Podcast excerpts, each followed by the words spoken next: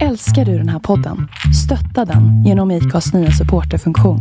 Det är helt upp till dig hur mycket du vill bidra med och det finns ingen bindningstid. Klicka på länken i poddbeskrivningen för att visa din uppskattning och stötta podden. I'm Sandra, and I'm just the professional your small business was looking for. But you didn't hire me because you didn't use LinkedIn jobs. LinkedIn has professionals you can't find anywhere else, including those who aren't actively looking for a new job but might be open to the perfect role, like me. In a given month, over 70% of LinkedIn users don't visit other leading job sites. So if you're not looking on LinkedIn, you'll miss out on great candidates like Sandra. Start hiring professionals like a professional. Post your free job on linkedin.com/people today.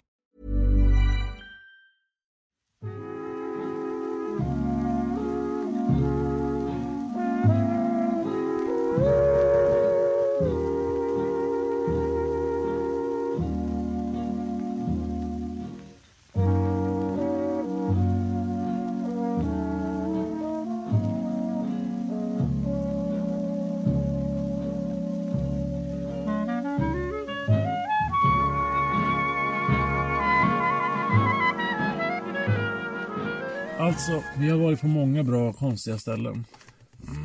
Genom åren. Allt från eh, Bergslagen till Finland till... Vi har till och med varit i Bergslagen och grejer. Ja. Ja, jag har inte tänkt på ens. Ja, Eh, kört fel håll när vi skulle ja, ja. ja. alla möjliga ställen. Men just här har vi aldrig varit, där vi befinner oss just nu, som kallas för Tingskullanäs. Tingkullanäs. Redan namnet är ju så romantiskt att man blir eh, intresserad av att börja läsa litteratur. Ja, och det mest fantastiska med, med det här är ju, du vet jag är ju såld på sociala medier och sånt. Okej. Och eh, i, eh, när man då, jag tog en bild på fantastisk mossa här alldeles nyss. Ja. Skulle jag tagga den bilden med ett ställe. Ja. Och då stod det Paradiset, Tingskullanäs. ja. Jo, nu är vi ju här utan att det är grönt på träden och det är fjolårsgräset eh, står högt och sådär. En oslådd äng framför oss. Men framför ängen eller bortom ängen så ligger en liten vik. En liten vik som det här näset går ut i. Av den sjö som har lika många öar som året har dagar. Vilken, vilken författare? Piraten. Ja. Fritiof Nilsson Piraten beskriver sjön Sommen. Den tjugonde största tror jag i Sverige. Eh, på det sättet. Och det här är en liten vik. eh, Jag har ju bott i de här krokarna utan att vara en sjömänniska. Jag har inte båt, aldrig varit intresserad ens. Möjligen kan jag simma om jag får god tid på mig. Men jag, jag tycker ju om sjön Sommen. Den är vacker. Och den är så pass, jag skulle kalla det dramatisk för att det är inte många platser runt den här stora sjön med sina 365 öar. Lite grann beroende på hur högt vattnet står det året. Det ökar och minskar nämligen allt efter vattenståndet. Den här sjön har inte många sandstränder. Eh, men den har massa platser att lägga till också segelbåtar. Och segelbåtar är i alla fall på Tranåsidan den lilla sidan av Sommen alltså, fast den mest befolkade. Det är en stor sak. På Östgötasidan så finns det ju också segelbåtar naturligtvis men det finns inte lika många hamnar. Alltså redan Tranås, lilla stad Tranås har ju, vad är det, fyra hamnar? Ja. Och varv. Ja. Det är eh, mängder, tusentals båtar och därmed tusentals båtägare som uppskattar sin sjö. Ja. Jag eh, älskar ju vatten. Jag hatar att bada. Okej, okej. Men, eh, Bra under, kombo. Ja, nej, men under hela min uppväxt så har vi alltid haft båt. Mhm. Eh, aldrig i sommaren dock. Men eh, i, eh, i Mälaren. Och där är det också fantastiskt eh, skärgårdslandskap på något sätt. Ja, Och eh, när jag är i Stockholm så försöker jag åka ut till de här, eh, vad heter de öarna då? Man tar från, från Djurgårds, bortanför Nacka där. ja där har du eh, För- Strömma och eh, Eh, Strömma kanal går där och eh, fråga inte mig. Det, det är någonting med F, någonting med F. Ja, ja. I alla fall, eh, dit eh, åkte vi, när jag gick folkhögskolan i Nyköping så åkte vi på en resa dit, ut till de här öarna. Då passerade naturligtvis Finlandsfärjan där och Ja. då fick vi en liten guidning på den där ön och då visade det sig att det var ön där alla prostituerade var. Så alla sjömän kom dit då med sina små båtar. Alltså på den tiden. Ja, Ja, ja, ja. alltså inte då när... Nej, nej, där, men, utan- inte, men back in the day. Ja, precis. Det här När var- det fanns segelbåtar och sjömän med eh, fruar långt hemifrån. Ja, Eller precis. borta från båten i alla fall. Ja, precis. Och jag kan inte komma på vad den heter. Men i alla fall, det, mitt bestående minne var att man hade ett whiskymuseum på den här ön. Och eh, man hade en, ett café där typ glassen kostade 80 spänn. Oj. Det Jaha. var för övrigt en helt fantastisk, jag läste samhäll, en samhällslinje på folkhögskolan. Ja, Fick man be- besöka Arbetarmuseet i Norrköping. Norrköping. Jättefin kåk. Fick eh, en två dagars eh, guidad tur på, i riksdagen. Jaha. Fick verkligen gå in i Oj. varenda skrymsel och, och sådär. Jag har varit där med klasser men inte precis två dagar utan det är ju en halvtimme, tre kvart kanske. Ja, nej, utan vi var där under två, vi var inte där konstant under två dagar, men eh, två stycken, vad ska man säga, dagsturer inne i riksdagen. Ja, ja. fick eh, träffa alla möjliga politiker. Det här var ju precis då innan Anna Lindh blev mördad. Ja, ja, ja. Så det var en massa år sedan. Men ja, nej, eh, alla säger det, i alla fall i våra kretsar, så här, men det är klart att du ska gå bibelskola. Mhm. Och jag, då säger jag så här, men det är klart att du ska läsa folkhögskola. Ja. Om man inte läser folkhögskola så missar man någonting i livet. Det är en speciell upplevelse. Mm. Jag har ju inte gjort det och kommer nog inte göra det heller. Men jag har hört den frasen hela min uppväxt faktiskt eftersom min pappa gick ett par folkhögskolor under sitt liv och hade bara positiva saker att berätta om folkhögskola. Jag kan säga så här att han som var rektor på den skolan, jag minns inte vad han hette, men han var ordförande för Svenska Afghanistankommittén. Så det var väldigt mycket Afghanistan, eh, temakvällar och sånt där på, på skolan. Det är ingen sån in, hade inget internat eller sådär. Utan det var ju mest folk ifrån eh, Oxelösund och Nyköping och Ja, ja. kanske någon från Vagnhär och Gnesta så som gick. Men eh, det kom folk från hela Sverige. Och eh, eh, just för att det var så mycket i Afghanistan och det fanns eh, en organisation som hette Attack. Kommer det? Ja, ja, Eh, deras ordförande var min klassföreståndare. ja, ja. ja. Eh, Bara eh, stridbara människor. Ja, nej men väldigt mycket rättvisa. Ja, det är klart. Väldigt mycket. Och jag tror att eh, det färgade mig med ganska mycket. Det, Kan det året, det. eller ett och ett halvt år som jag gjorde. Kan tro det. Men du, var märkligt alltså, eh, att du nämner allt det där. När jag åkte hemifrån då så såg jag att i posten hade kommit Afghanistan-nytt. Alltså en tidning som Svenska Afghanistankommittén ger ut. Och jag gick med i Svenska Afghanistankommittén 1989. I november 89 för övrigt. Eh, tio år innan så föddes våran husafghans mamma. Den som har bott hemma hos oss under loppet av tre fyra år och fortfarande på sätt och vis bor där. För han där varje dag. Även nu när hans mamma har kommit hit. Då föddes hon 1979.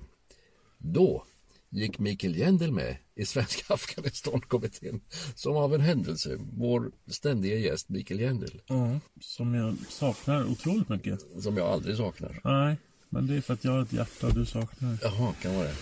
Ja, och 79 var det inte då Sovjet eh, ockuperade Jo, Afghanistan? mycket hände det året tror jag. Ja. Januari Kan, kan det ha någon koppling till hans medlemskap? Ehm, ja, oh ja. Och de som då hade varit aktiva Vietnamdemonstrationer de hade liksom tappat mark eftersom det blev någon tänkt fred 1975 och USA lämnade med svansen mellan benen.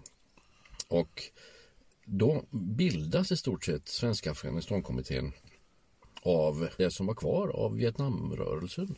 Så det är utan tvekan så. Sen är det märkligt att i det här sekulariserade landet där vi till nöds och vid bröllop, begravningar och möjligen juldagen tror lite grann på Gud men inte mycket mer. Hit kommer det afghaner och här möter de Jesus. I detta sekulariserade men mycket välordnade land.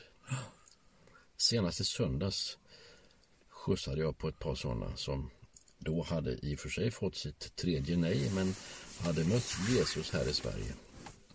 Ett trevligt par med tre trevliga döttrar i högstadieåldern.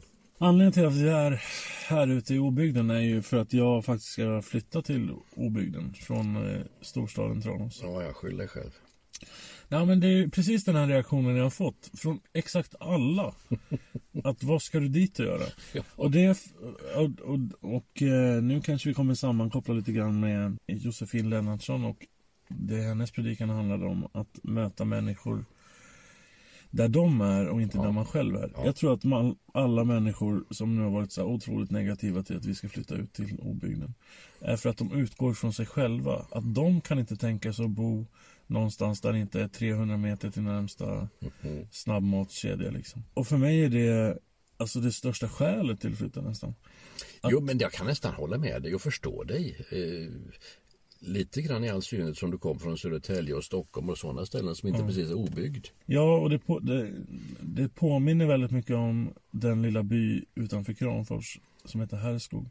Ja, ja, ja. Där, som har varit mitt paradis på något sätt. Som jag åkt en gång om året. Som jag förmodligen inte kommer åka till så många gånger fler eftersom det inte kommer finnas i vår ägo snart. ja. Och då har det liksom blivit ännu viktigare. Sen eh, uppstod en situation där jag behövde hitta en, ett boende snabbt. Och då, då fanns det ett ledigt i Sommen. Jo, jo, men eh, mycket nöje och allt det där. Mm. Eh, och när jag säger skyller själv så är det ju uteslutande för att jag inte tänker som Josefin Lennartsson rekommenderade. Att jag sätter mig i din situation. Utan jag bara tänker, ja där skulle jag aldrig vilja bo. Nej. Alltså den här normala svepande formuleringen. Men en sån som du som är så bilburen skulle ju kunna bo på ett sånt ställe. Ja, Utan att bli märkbart påverkad av det. ja, ja. Ja, möjligen. Nu är jag ju också gåstavsburen. Jag går ju med mina gåstavar till tåget varje dag. Ja. Men Förskräckligt tråkigt. Men nödvändigt och viktigt och den enda motionen jag tvingar på mig själv. ja. Men jag tror också att det är någon sorts process. Att jag är i någon sorts ålder. Där jag tänker att, att jag vill ta avstånd från allt det här. Alla måsten. Allt, att göra som alla andra. Att eh, leva i någon sorts centraliserad värld. Utan att jag vill, jag vill komma närmare liksom lugnet på något sätt. Och då är ju... Det Jo, kan ju men det- ingen argumentera mot. att Nej, det är, du, du tänker både rätt och riktigt på det sättet. Sen finns det ju en annan bieffekt som du säkert kommer ha svårt med.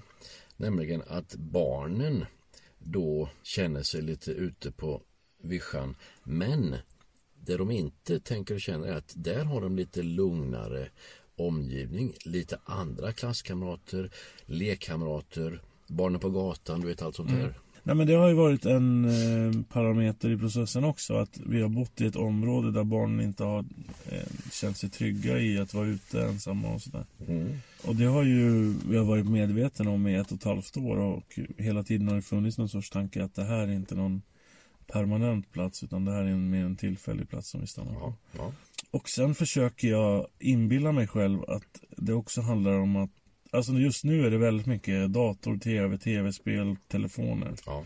Och att jag tänker att på landet så, så, så blir det naturligt att man tar ett steg ifrån det och att man är mycket mer ute och att man Ja, att barnen känner sig trygga och vara ute själva och sådär. För det är också en del av processen som, som barn att bli vuxen på något sätt. Att, att inte hela tiden vara beroende av det digitala liksom. Och det kommer säkert filtrera fram sig själv det där att de ägnar mindre tid framför en skärm. Det tror jag. Alldeles utan att du ens säger det. Mm.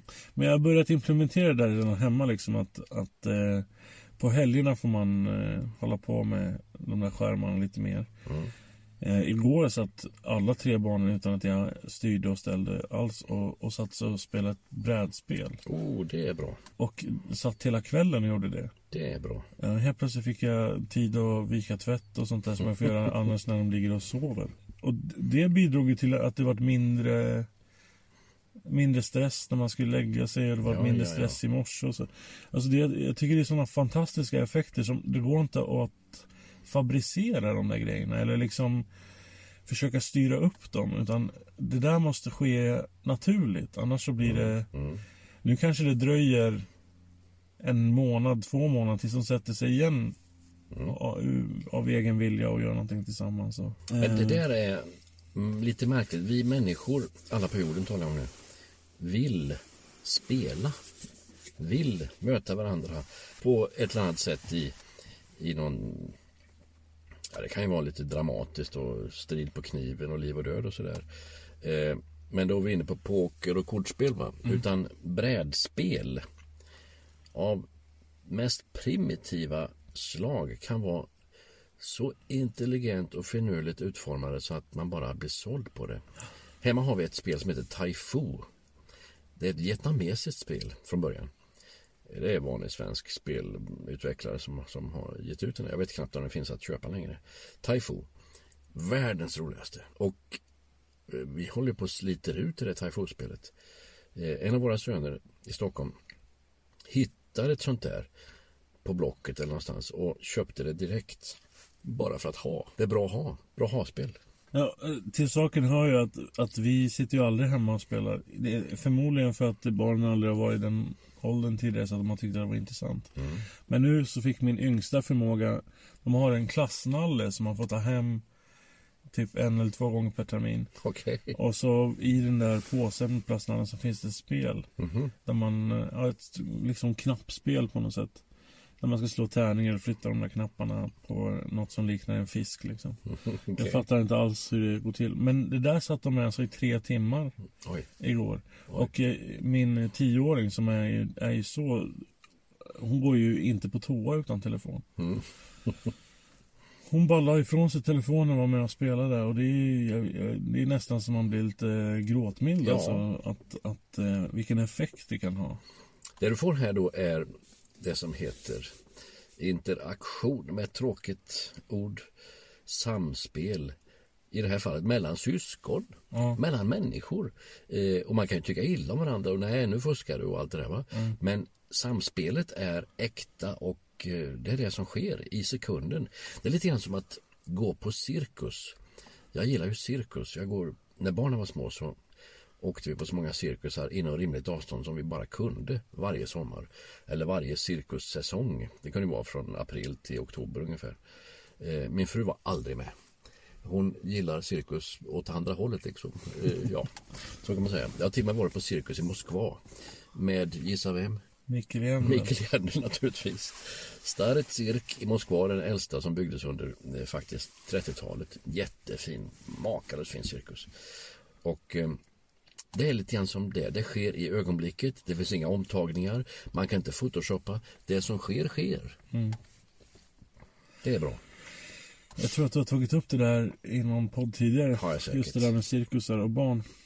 Åtminstone du och jag diskuterat det när, eh, jag, när det var någon cirkus som kom hit. Ja, ja, ja. Men alltså du, när, när du och jag sitter och äter lunch, det händer ju. eh, Då gör vi ju en podd bara vi sitter och äter lunch. Ja, det är bara det att vi inte har närvaro och spelar in. Nej, nej, nej, men det är och alla andra som går omkring och hejar och ja, du vet. Ja,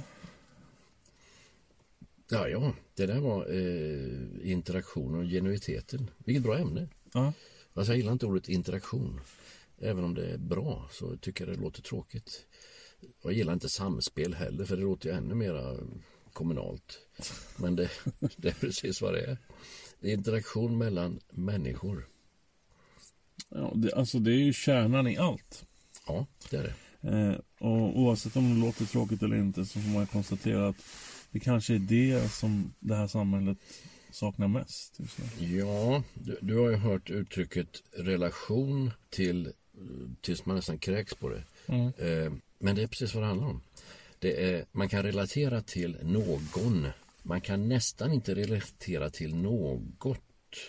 Det är lätt att relatera till någon. Man kan tycka illa om, man kan tycka bra om.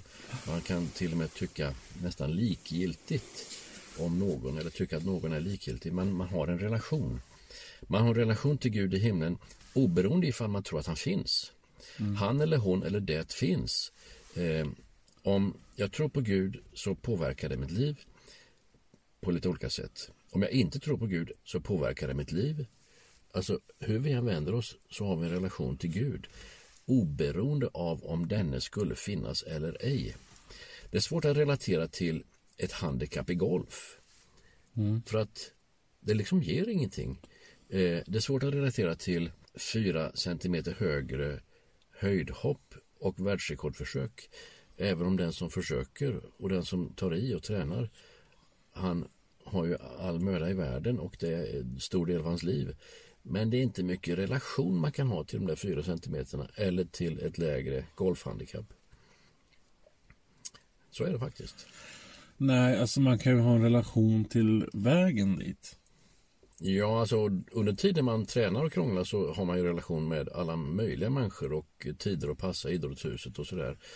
Eh, det är inte riktigt det jag säger utan då, då är det så att säga vägen som är mödan värd. Mm. Karin Boye. Och eh, sen kommer de där det här världsrekordförsöket som man då misslyckas med eller lyckas med. Eh, och så får man lite rubriker och lite ja, fotnot i historieböckerna. Men det är vägen dit som var mödan värd. Det tror jag man kan säga. Och golfhandikappet är ju viktigt nog för den som vinner över sig själv. Men jag tänker att relation är ju någonting som är i konstant rörelse. Att ja. Det, det, även om man har en relation till Jesus så är det ju, är det ju alltså den konstanta rörelsen som gör det hela intressant. Ja, ja, ja. Att eh, när det kommer en ny människa till, till kyrkan till exempel. Jag behöver inte sitta och, och berätta om Jesus för den personen. Nej. Utan berättar effekterna av Jesus. Ja. Utan att ens nämna Jesus. Yes, yes, yes. Och det bara känns och finns. Eh, en, en intressant parentes. Jag gör en distanskurs i religion just nu. Ja. Och där har jag fått gotta ner mig i begreppet religion. Okay. Och eh, innan den här kursen så hade jag nog en ganska fast eh, åsikt om vad religion var. Att det var någonting som, som andra sätter på en kristen tro till exempel. Ja. Och nu är jag mer av den åsikten att, att religion inte har någonting med, med Gud och tro att göra överhuvudtaget. Utan att religion är någonting som varje person själv skapar. Alltså man, eh, man kan göra det som ett hälso... Inom hälsa till exempel. Ja. Att man, eh, ens egen kropp är templet och det här måste jag göra för att ja. Det är religion. Och det är inte så ovanligt. Det där kan man ju känna till exempel på. Jo, men det, det, blir, det blir, den antliga delen försvinner ju. Ja, ja, ja, för sjutton. Och, och, eh, det är väl egentligen det som jag har fått ut av den här kursen hittills är att religion saknar andlighet fullständigt. Att ja, religion är, är en, en bunt av regler mm. som människor förhåller sig till. Sen kan det handla om fotboll, det kan handla om mat, det kan handla om, om vad som helst. Men inte om Jesus. Mm. Det du säger nu med de orden, det är ju helt enkelt en variation av ett tema som vi har hört många gånger, nämligen religion kontra relation, mm. passion kontra prestation. Mm. Eftersom vår pastor gärna använder de orden i varje predikan. Eh, och det är rätt och det är helt korrekt. För att man vill ju inte ha, man vill ha relationen men religionen kan du både ha och mista. Du vill ju ha passionen Eh, och prestationen, den finns, eh, alltså den står inte högt på önskelistan någonstans, men den finns i alla religioner. Man måste göra det, måste göra det, måste uh göra si. Och sista dagen finns alltid, domedagen finns alltid. Uh eh, i, framförallt så finns den strax innanför pannbenet på alla som försöker vara muslimer. Jag, jag skrev en uppgift igår till den här religionskunskapen där jag, där jag skrev att alla socialister, vare sig de vill eller inte, är, är de som eh, bär fram eh, Jesus mest av alla. Ja, du är ju lite lagd åt det hållet. Mm. Men tänk dig allting som socialisterna står för. Eh, solidaritet, att man ska bry sig om andra människor och, och yes. om sin omvärld. Att eh, det ska vara rättvist för alla. Att alla ska ha möjligheten att vara med och hela den här grejen. Mm. Det är precis det som alla kristna gör också. Mm. Vare sig man vill eller inte. Ja, ja. Yes. Nu, till saken hör ju att eh, läraren i det här ämnet också är lite lagd åt det vänstra hållet. Ja, utan tvekan Eh, så. så det kommer nog falla i god jord där. Ja, det tror jag. Och dessutom var ju präst. Så Ja, det, ja, ja. Det, det finns eh, Det goda så. förhoppningar Ja, kan man säga. men det du säger är Alltså socialismen där skulle ju då kunna kokas ner till Matteus 25 25 kapitlet i Matteus evangelium En bok som har ändrat mycket i världshistorien Jag var naken och ni klädde mig Jag var husvill och så vidare Det där är ju ord som Jesus bara nämner i förbigående för att han ska demonstrera pedagogiskt visa hur man bör leva och hur man inte bör tro sig att man har levt. För då är det två grupper. Jag var naken och ni klädde mig. Nej, vi såg aldrig dig naken. Vad ni har gjort mot en av dessa mina minsta, det har ni gjort mot mig. Och så säger han till nästa grupp, jag var naken och ni klädde mig inte. När såg vi dig naken? Och samma, samma svar, det ni inte har gjort mot en av dessa mina minsta, det har ni inte heller gjort mot mig. Hur pedagogisk kan man vara? Men å andra sidan, är han Guds son så är han. Ja, alltså det som jag upplever som det stora problemet när vi pratar om religion och prestation och, och passion och vad sa du mer? Ja, Prestation, passion, religion och relation. Det är ju att inom, innanför kyrkans väggar så, så finns ju eh, passionen och relationen. Ja, Eh, där står den högst i kurs. Ja. Det, går, det går inte att bestrida liksom överhuvudtaget. den ska stå högt i kurs. Ja, men det, det är liksom det allting bygger på. Det är därför vi hjälper alla människor. Det är därför vi lagar mat på tisdagar för sådana som inte har mat. Och, Ja. och sådär. Och, och verkligen eh, go out of our way to, alltså för att hjälpa människor. Vi, vi offrar någonting i våra egna liv för att hjälpa någon annan som Ja, precis det som Matteus pratar om. Ja, ja. Eller som Jesus pratar om i Matteus 25. ja. Eh, utanför så är det ju precis tvärtom. Där anstränger man sig nästan för att inte hjälpa andra för att sätta sig själv i det första rummet hela tiden. Mm, mm, Och det gör ju att det skapar ju på riktigt psykisk ohälsa. För att det finns människor som, väldigt många människor dessutom, som har fått för sig att de inte duger som de är. mm. Det finns utan tvekan. Men när du säger utanför, menar du utanför kyrkan, kyrkans folk och kyrkans eh, liv och leverne och väsen. Eh, Nej, men i det vanliga, vanliga samhället. Yes, det vanliga samhället. Där vi under åtminstone 50 år har försökt oss på att ändå ha omvårdnad, omtanke, eh, allt det där. Fast då heter det med ett lite märkligt ord ifrån engelska språket social engineering, social ingenjörskonst. Man talar om social engineering, eh, framförallt i USA där allting börjar. Sen tog det inte någon direkt skruv där, men, men hos Elander och Palme och Ingvar Carlsson har det varit vägledande. Det här ska samhället, det vill säga det starka samhället, Erlanders och Per Albins ord, klara av. Och därför så eh, men det gör ju inte det starka samhället om man inte har den inre drivkraften. Det vill säga, när såg vi dig naken? Ja, men det räcker med att titta de tio senaste åren bakåt i tiden. Vi hade ju ett politiskt eh, block som gjorde allt i sin makt för att montera ner eh, det sociala nätverket. Är du inne på vänster igen? Nej, jag, är inne på samhällsutveckling. Ja. Men alltså man gjorde allt för att, att eh, det skulle finnas möjligheter att tjäna pengar. Eh, och allra helst för sina vänner och kollegor. Eh, och då var det inga problem med att eh, privatisera till exempel eh, apoteken och privatisera det ena- Bilprovningen. Ja, eller privatisera vården Ja, och skolan. ja, till och med det. Och, och liksom allt det där som vi alltid har kunnat räkna med. Helt plötsligt går skolor i konkurs och eleverna vet inte Ja. vad, vad de ska ta vägen. En skola som går i konkurs det är ju en fyrkantig cirkel. Ja, Det kan ju inte finnas. då kan man ju inte komma med några argument och säga att nej, men det handlar inte om att tjäna pengar.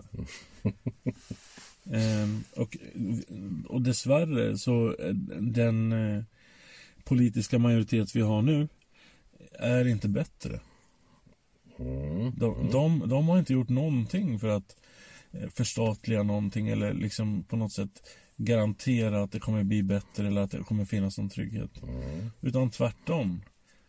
De försöker nog bara hålla näsan över vattnet och regera så gott det går. Ja, och, därför, det, är ju- och det började redan under eh, Göran Perssons tid när man gjorde om pensionssystemet. Det är därför vi har fattigpen, uttrycket fattigpensionärer idag. Ja, ja. Det gjordes då, det stämmer. När han var finansminister. Ja. Skolminister, sen finansminister och sen statsminister naturligtvis. ja, han lyfte fram det som finansminister och drev det igenom Ja. som statsminister. Ja. Ehm, och ehm, samtidigt så är han nu själv någon sorts pensionär. Eh, sitter i olika, är bolagsstyrelseproffs och tjänar miljoners kronor. Det är väl inget fel i det i sig om det inte hade varit för att han har försatt en väldig massa människor i, i, i problem liksom. Nu finns det säkert en uppsjö av försvarare av det där och alla mynnar ut i någon slutkläm. Vi har inte råd med det pensionssystem som vi då hade innan full ATP och du vet allt det där. Eh, det finns säkert de som kan argumentera sönder och samman det du säger. Men eh, egentligen håller jag med dig i allt du säger. Ja, det finns säkert argument för alla möjliga saker. Det, det fanns säkert argument för att folk inte eh, försökte stoppa Hitler. Ja, ja, han drog igång. Oh, ja. Det finns alla möjliga argument. Det finns argument för att åka till Turkiet och dela ut lappar för att sen bli själv bli utvisad. Det finns alla, alla möjliga argument för alla möjliga dumma saker. Men Oh, man, man kan aldrig komma ifrån själva verkligheten. Och det är att en massa människor har jobbat hela sitt liv och knappt har råd med mat på bordet. Där har vi ett problem. Och dessvärre så är det de mörka makterna som drar poäng Ja. i, i den situationen. Och som vinner eh, nya väljare. Ja, så är det Och, faktiskt. det, och- och ska man vara krass, ja men det var ju det som hände i, i Tyskland på 30-talet också. Ja. det var ett, ett missnöje som någon på något sätt eh, baddade med bomull liksom. Ja. Och helt plötsligt så var man, är man så djupt i skiten så att det går inte att ta sig ur. Mm. Och den, den risken är väl överhängande eh, idag också. Ja, risken finns. Och motelden, motammunitionen till det där, det är återigen Matteus 25. Ta hand om din nästa, fast du inte egentligen tänker på att du gör det.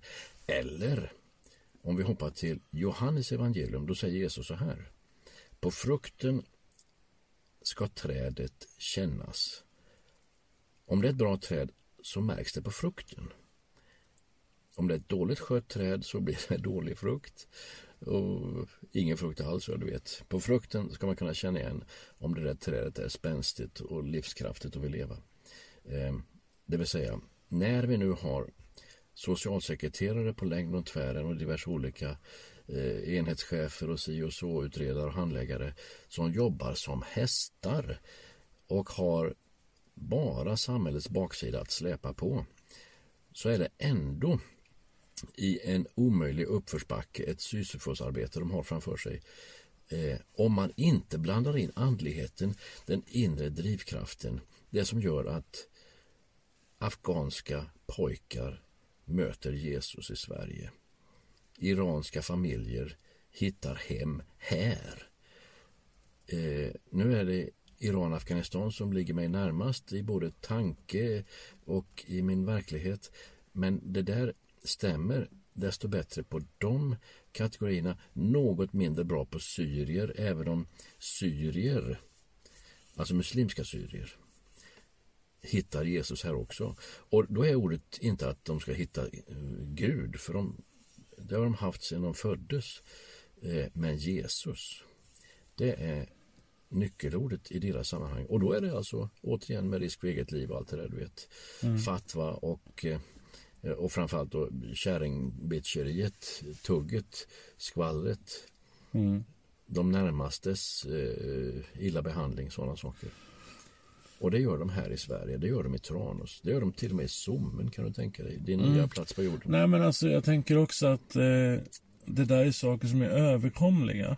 alltså det är klart att det har inte varit smärtfritt för mig heller att bli eh, välja Jesus. Jag har förlorat eh, egentligen alla som jag umgicks med eller hade någon sorts relation till. Ja, Det kostar. jajamän. Men det är ju en piss i havet jämfört med vad man får. Du kanske inte ska predika om just det uttrycket. Nej, Nej men alltså det... det jag, jag kan förstå att det, det är tufft för sådana konvertiter. Alltså de, Ja, Vi har ju hört eh, historier liksom på om konvertiter som har, som har blivit mordhotade på Migrationsverket. Ja, inte yes. av Migrationsverket men, men av människor som inte har konverterat Ja. där. oh ja. Så det, det är ju säkert ett levande helvete.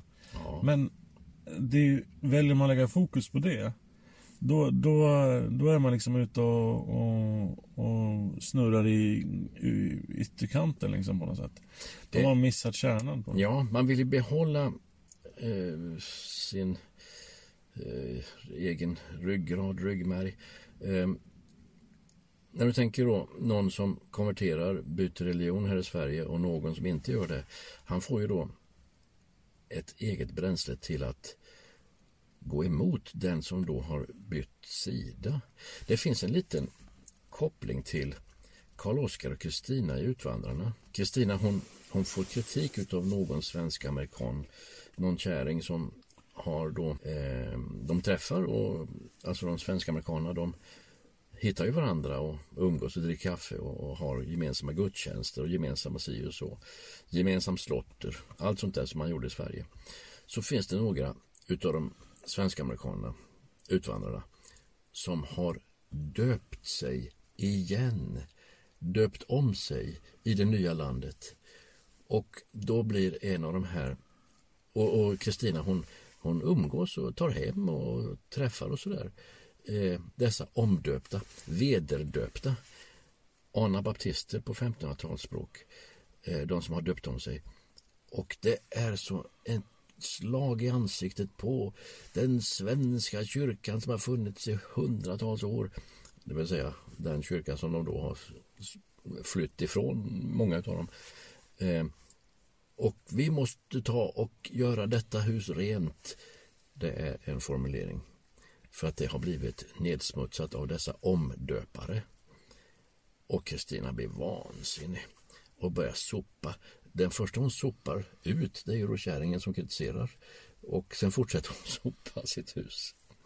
Det vill säga det gamla trygga, det som jag har haft, det som jag, det enda jag har vet om. Det är så pass viktigt så att jag kan bli otrevlig också mot mina vänner. Också mot mina landsmän, också mot och sådär. Ja, det, det finns så många likheter med, eh, med det vi pratar om på något sätt. Ja, Att, eh, och det är någon sorts eh, vedertaget eh, resonemang att ska man göra någonting nytt så måste man först förstöra det gamla.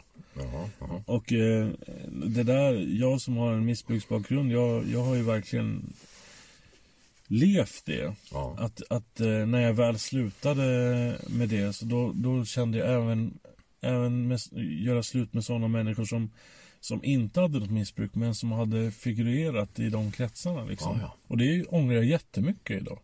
Men var det inte ett nödvändigt steg du fick göra? Nej men alltså de var ju inte kriminella och de, de bara fanns i Ja, Eh, och hade ett vanligt liv vid sidan om liksom. Men när vi var barndomskamrater så är det klart att de ex, eh, liksom existerade i Ja, ja. Och varje gång jag flyttat så har jag liksom klippt med alla. Jag har inte kontakt med någon från gymnasietiden till exempel. Och, och sådana här bitar. Det är ju, och eh, jag tror att det är en produkt av den värld som vi lever i.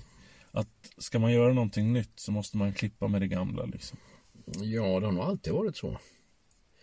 Mm, Men det finns ingen anledning till att det är så. Mm, Nej, men det är nog något mänskligt beteende att man ny oprövad väg, nya segel på båten för en ny riktning. Ja, det, det är säkert det var en ganska fin bild, tycker inte Ja, det var väldigt poetiskt. Ja, nya segel för en ny riktning.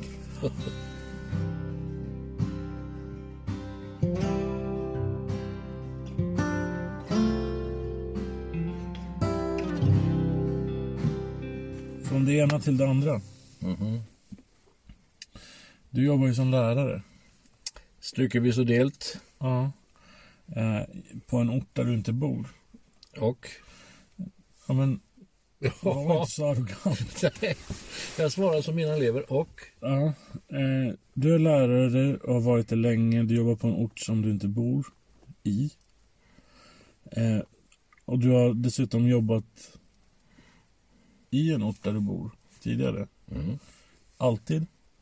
Eh, ja, kan man säga. Tycker du att det är någon skillnad när man inte är förankrad liksom i lokalsamhället? Ja, oh ja.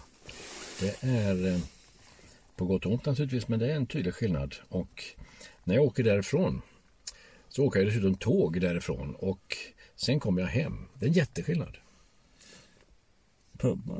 Alltså blir det någon skillnad i din roll som lärare? När du liksom inte... Ja, det är För att jag träffar dem aldrig på stan. Jag träffar dem aldrig i affären. Oh ja. Hur? Men vi träffade dem i Jönköping en gång. Ja, då kom det fram en elev när satt och åt eller vad vi gjorde. Mm. Eh, ja, han var där också i, i Jönköping på sjukhuset var det vi var på. Mm. Ja. Men vi träffade honom på Pizza Hut. ja, så var det kanske. Och han kom springande som en... Alltså. Och då kändes det som att... Nej, han känner inte dig. Det var min första tanke. Nej, men alltså, på, på vilket sätt blir det liksom skillnad bortsett från att du inte träffar dem privat? Liksom? Ja, det är det. Och eh, att man inte har en naturlig gemensamhet av att bo i samma stad, samma plats, samma ort, samma samhälle. Eh, nu är ju det här med låga mått mätt alltihopa. Bor jag i Stockholm och åker tre tunnelbanestationer så har jag åkt längre än mellan Tranås och Aneby. Mm. Eh, så, och det är ju ingenting i Stockholm. Jag åker tåg 12 minuter varje dag. Det är ju inget. Men på något sätt är ju det... Man byter visserligen plats geografiskt. Men, men på något annat, sätt skiljer det sig inte. I alla fall inte om man jobbar i förorterna. Så. Men jag tänker att det är ändå en viss skillnad. Dels på storlek på ställe och dels på mentalitet och lite sådär. Lite mer småländskt i Ja, ANB ja, än vad det ja. är. Utan tvekan. Dessutom har de det emot sig att de inte kan säga bokstaven R. Det kan vi visst, säger de direkt när jag naturligtvis påpekar det här. Nej, det kan inte säga. Det kan vi visst. R. Ja, ja, ja. Men i kombination. Du kan inte säga borste. Borste. Ja. 18. Tårta. Och det är den där småländska varianten. Men de har inte riktigt den Nässjö, Vetlanda, Jönköping småländskan utan de har sin egen R-lösa småländska. Men det är lite grann som med småländskan i Tranås. Som inte är så Nej, det är småländsk. ju inget småländskt för fem Men däremot så märker man ju en viss dragning till Östergötland i det. Ja, oh ja. Och, eh, Med all rätt. men aldrig åt andra hållet. Nej, det är så. Alltså Tranås ligger ju som en liten eh, tarm uppåt i Östergötland fast ändå i Småland. Ja, Vi har pratat om det här tidigare att eh, Tranås är mer östgötskt än, än småländskt. Ja, Eh, men jag tycker det är märkligt att det inte speglar sig åt andra hållet. Att det inte låter lite mer småländskt i Mjölby till exempel. För där är det verkligen östgötskt. ja, man kan väl ta betygssättningen via att Robert Gustafsson härmar Mjölbydialekt. Han härmar ju inte Tranåsdialekt, för det finns liksom inte. Han skulle mycket väl kunna ta Jönköping och Nässjö.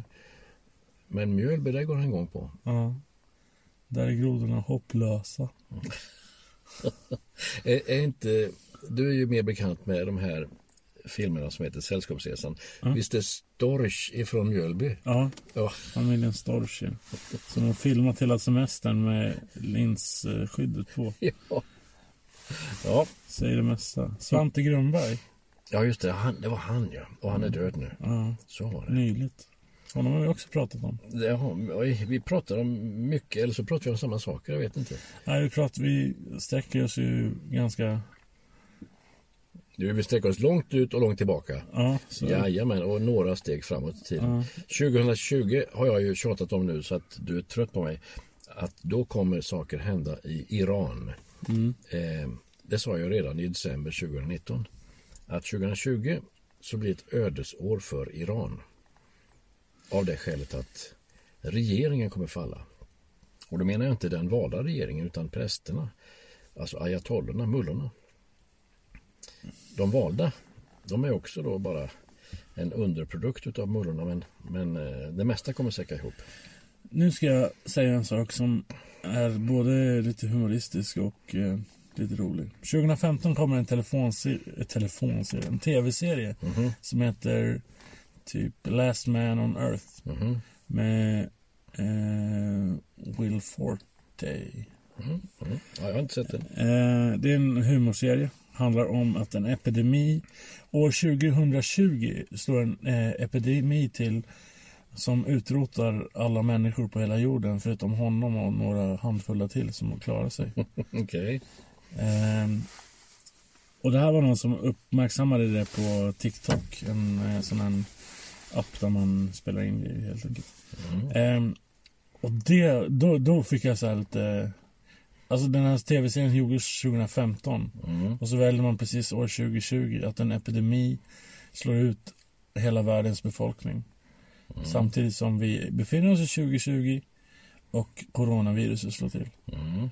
Alltså det finns ju utrymme att bli lite halv eh, konspiratorisk. Jo, men alltså internetskvaller finns ju dagligen och varje timme så är det någon ny teori som lanseras om allting. Inte bara månlandningen, inte bara eh, corona och inte bara, utan det här är eh, Palmemordet finns väl hur mycket som helst på. Jo, jo, men nätet. att man fem år tidigare just bestämmer att 2020 kommer en epidemi som kommer slå ut. Och sen så drabbas vi av coronaviruset i, i mars 2020. Liksom. Mm, mm. Är inte det... Nej, det hade varit 2022 för att leka lite med siffran 2 där. Om eh, de här tv-serieskaparna, och producenterna hade valt det så hade plötsligt inget varit intressant. I sammanträffande hänsyn i alla fall. Eh, sammanträffande hänseende. Och, men jag håller med, alltså corona kommer att drabba, fortsätta att drabba mortaliteten. Dödstalet kommer fortfarande vara lågt över hela linjen. Det är högt när man är 80 plus, det är halvhögt 60 till 70 och sådär. Eh, det är 0, si 0, så när man är man 0 och 10 och 10 till 20. Det här är siffror jag har tagit ifrån en skotsk eller nordengelsk läkare som heter John Campbell som jag följer gärna och mycket varje dag. Han är väldigt nykter, väldigt eh, brittiskt korrekt och brittiskt eh, väl påläst. Eh, men han, han alltså ser mycket seriöst på coronaspridningen och på hur man bör gå tillväga med viss, med viss rätt. Men det är ju inte alltså det är inte fråga om digerdöd, det är inte fråga om spanska sjukan, alltså Spanish fever, som då var eh, den slog ut en tredjedel av jordens befolkning. Det är knappt du har hört talas om spanska sjukan. Eller? Ja, men inte genom skolan eller så, utan eget intresse. Ja, och eh, det är ingen som talar om det här är ju 2, 3, 4 procent mortalitet. Jo, men har inte, hänger inte det ihop med att vi faktiskt eh, på något sätt eh, är eh, mer bemästrade med eh, olika typer av läkemedel och Jo, jo. sånt där? Och, Och mer kommer ju förstås i spåret av det här. Nu är det ju hur många som helst forskare i världen som är igång dag och natt och försöker få fram ett vaccin. Eh, men var det inte två israeliska Du kan, som hade tro, lovat det? du kan tro att de är först på plan. Och eh, ett företag som heter Migal som ligger i Galileen. Eh, de är verkligen ledande och har använt de kommer nog vara först också med att leverera ett vaccin fast i pillerform. Samma, samma eh, substanser, samma verkning som i sprutform men, men de har tydligen valt att göra det som tablett. Eh, åtminstone deras egen utsago. Jag vet inte om det är praktiskt att det är lättare att distribuera lättare allting. Allt nog, de ligger före. Och, men det finns ju varenda laboratorium i USA, varenda laboratorium i Japan, överhuvudtaget allt vetenskapligt tänkande i Sydkorea. Alla är på gång för att göra någonting åt detta virus som då drabbar nästan urskillningslöst hela världens länder. Men av någon anledning Italien väldigt mycket drabbad. Av inte alls inte alls utan anledning är Iran väldigt drabbat. Och det här är bara en utav punkterna på min 2020 profetia om Irans nedgång och fall. För nu är det också ja, i höstas häftiga regn som tog med sig allt möjligt. Häftig torka på andra ställen i landet.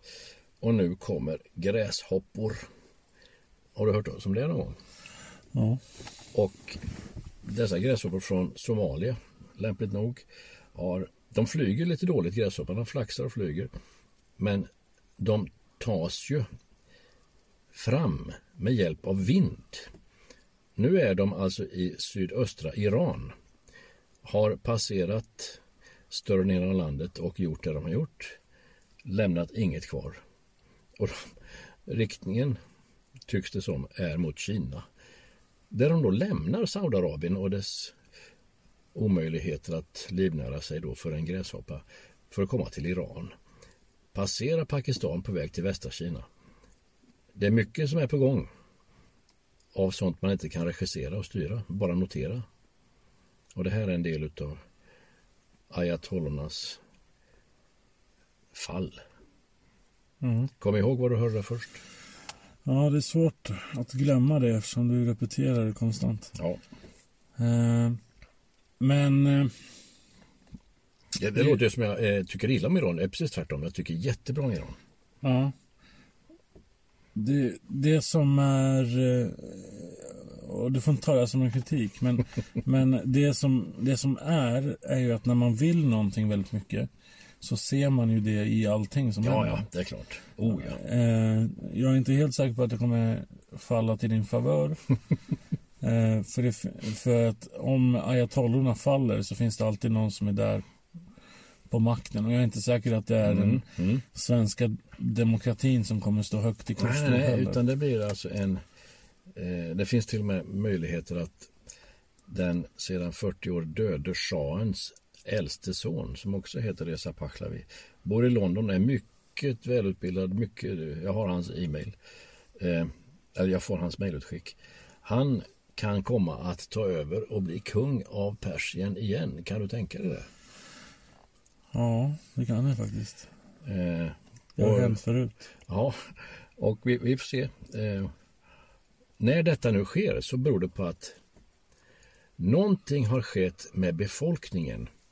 Inte de tiotusentals vi får se som går i ett begravningståg för Qasem Soleimani och all media rapporterar hundratusentals och så vidare.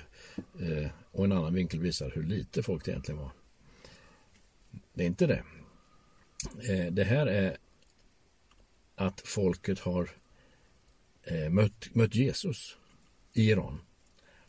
Börjat tro på Jesus och fått sina liv förvandlade av det skälet. Det är inte, något, det är inte krigiskt, det är inte vrede och utbrott och, och demonstrationer på gatorna. Det här är så tyst och försiktigt som det bara kan. Men det är ett problem som till och med i högsta beslutande prästorgan man har börjat erkänna, fast i smyg. Och så är det förstås den sionistiska entiteten, det är Israel det. Det är dess rätta namn i de här kretsarna. Den sionistiska entiteten och Amerika, det är deras fel. Man har alltid en generalklausul när man ska förklara saker. Eh, för att bryta den här lite... Det är politik nu. Ja, precis. Eh, för att bryta den här lite mm, patriotiska idén som du bär på. så, så tänkte jag avsluta med en liten fråga till dig. Jaha, Du vet världsreligionerna. Ja, Eh, man- brukar säga att det finns fem. ja. Eh, i, I Storbritannien säger man att det finns sex. Man räknar in sikhismen där. ja, det är klart. Det är klart. Och det är ju inte så knöligt egentligen. Eh, buddhismen, hinduismen, som inte är en egen religion egentligen utan en massa, massa olika. Eh, islam och kristendom. Men varför bakar man in, Judendomen. ja, som bara är 14 miljoner? Ja, det är ju ingenting. Det är ju världens minsta lilla grupp. Det är för att de orsakar kristendom och de orsakar eh, islam. Eh, det är, de är pappa till det där. I tänkandet alltså. Inte i själva verket, men Oh ja, kristendomen och judendomen, det är ju...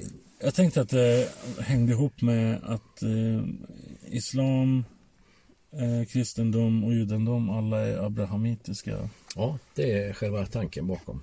Det är därför det finns något gemensamt. I praktiken finns ju inget gemensamt. Mm. Vänd andra kinden till. Vad hittar du det i Koranen? Ingenstans, inte ens på pärmens utsida. Så det finns inget förmildrande egentligen, men ursprunget söker han tillbaka till Abraham. Mm. Med, med all rätt, för det är vad vi har. Ja. Var det din fråga? Ja, det var min fråga. Jag tyckte den var intressant. ja, det var en bra fråga. Jag tänkte att du skulle komma med någonting att du knyter ihop säcken på ett föredömligt sätt eller något sånt där. Nej, jag tycker du har suttit och knutit i en timme här så att jag, jag ja. tänker att det var väl läge att knyta upp någonting.